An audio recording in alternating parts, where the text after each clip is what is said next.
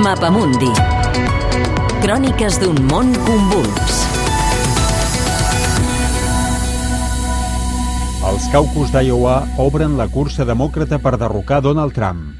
Una dotzena d'aspirants demòcrates inicien aquest mes de febrer una carrera frenètica que no farà parada fins al juliol que ve a Wisconsin, on la Convenció Nacional del Partit triarà el candidat o candidata que s'enfrontarà a Donald Trump a les presidencials del novembre. Els candidats amb més opcions fins ara, segons les enquestes, són tres homes i una dona, tots blancs. Everybody knows it. The middle class is hurting. Joe Biden. Exvicepresident dels Estats Units, de 77 anys i principal favorit a les enquestes, és un candidat moderat que reivindica el seu llegat al govern d'Obama, però que no desperta entusiasme entre els votants més joves.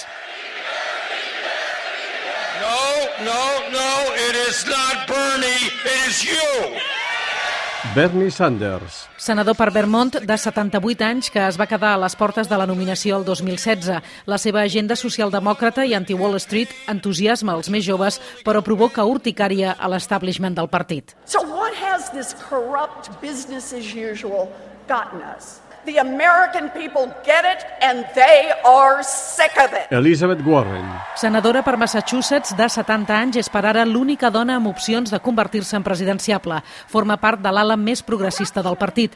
Però allà on Bernie Sanders proposa una revolució en el sistema econòmic, Warren en planteja només una correcció. I'm running for president for the day after Donald Trump has stopped being in the Oval Office. And you are building that future. Pete Buttigieg. Exalcalde de South Bend, una ciutat d'Indiana, amb només 38 anys, és el candidat més jove i el primer obertament homosexual del Partit Demòcrata.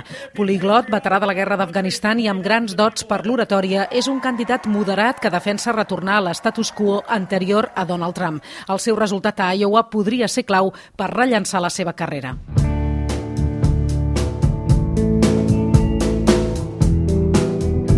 El tret de sortida d'aquesta cursa són els caucus d'Iowa, un estat eminentment agrícola i de població blanca del mig-oest americà que durant uns dies es converteix en el centre de la vida política i mediàtica dels Estats Units. Stephen Smith, professor de Ciències Polítiques de la Universitat Estatal d'Iowa. Els demòcrates han celebrat caucus durant molts i molts anys i els republicans n'han tingut de propis, on els líders del partit s'ajunten amb els militants d'arreu de l'Estat i prenen decisions, com la recaptació de diners o l'elecció dels representants locals, plantejant temes a la plataforma del partit i decidint la seva posició sobre aquests temes. El dilluns 3 de febrer se celebraran arreu d'Iowa prop de 2.000 caucus demòcrates o reunions de militants que discuteixen, intenten persuadir el veí i finalment voten per un candidat.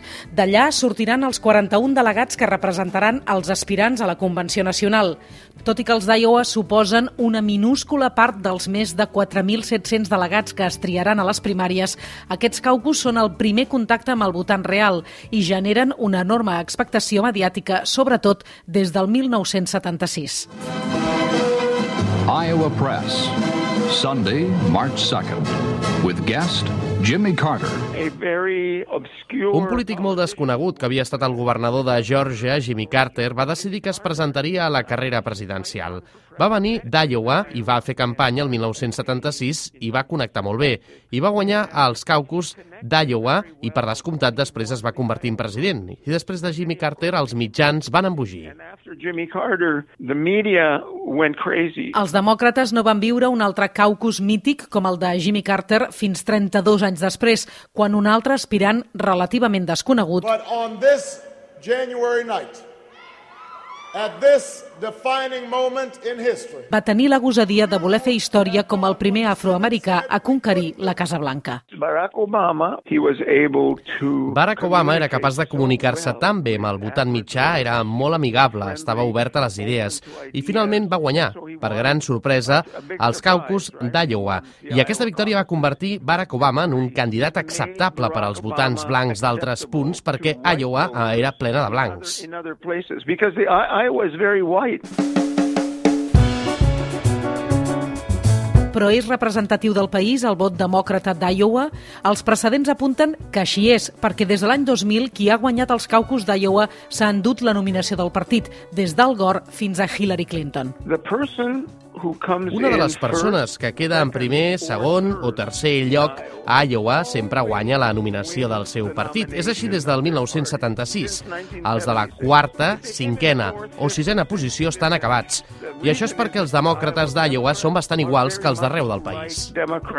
El gran interrogant d'aquest procés de primàries és aclarir quina ala del Partit Demòcrata guanyarà la nominació. S'arriscaran a triar Bernie Sanders o Elizabeth Warren i apostar per una agenda més radicalment progressista o voldran seduir el votant més moderat amb un candidat com Joe Biden o Pete Buttigieg? Els sondejos diuen que Joe Biden pot guanyar Donald Trump, però els més progressistes del Partit Demòcrata diuen que no que la gent vol un sistema de salut públic, vol les polítiques que Elizabeth Warren i Bernie Sanders estan impulsant i que si el partit és excessivament caut nominant algú com Biden, aleshores perdran. En aquest moment no sabem qui pot derrotar Trump.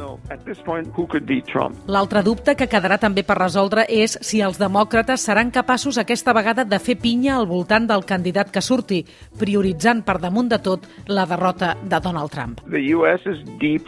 Els Estats Units estan profundament dividits i els demòcrates també.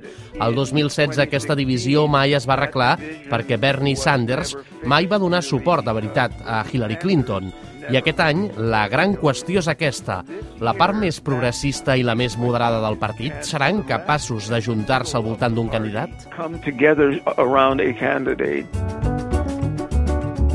És un reportatge de la corresponsal Jenny Lozano, disponible al podcast del Mapamundi.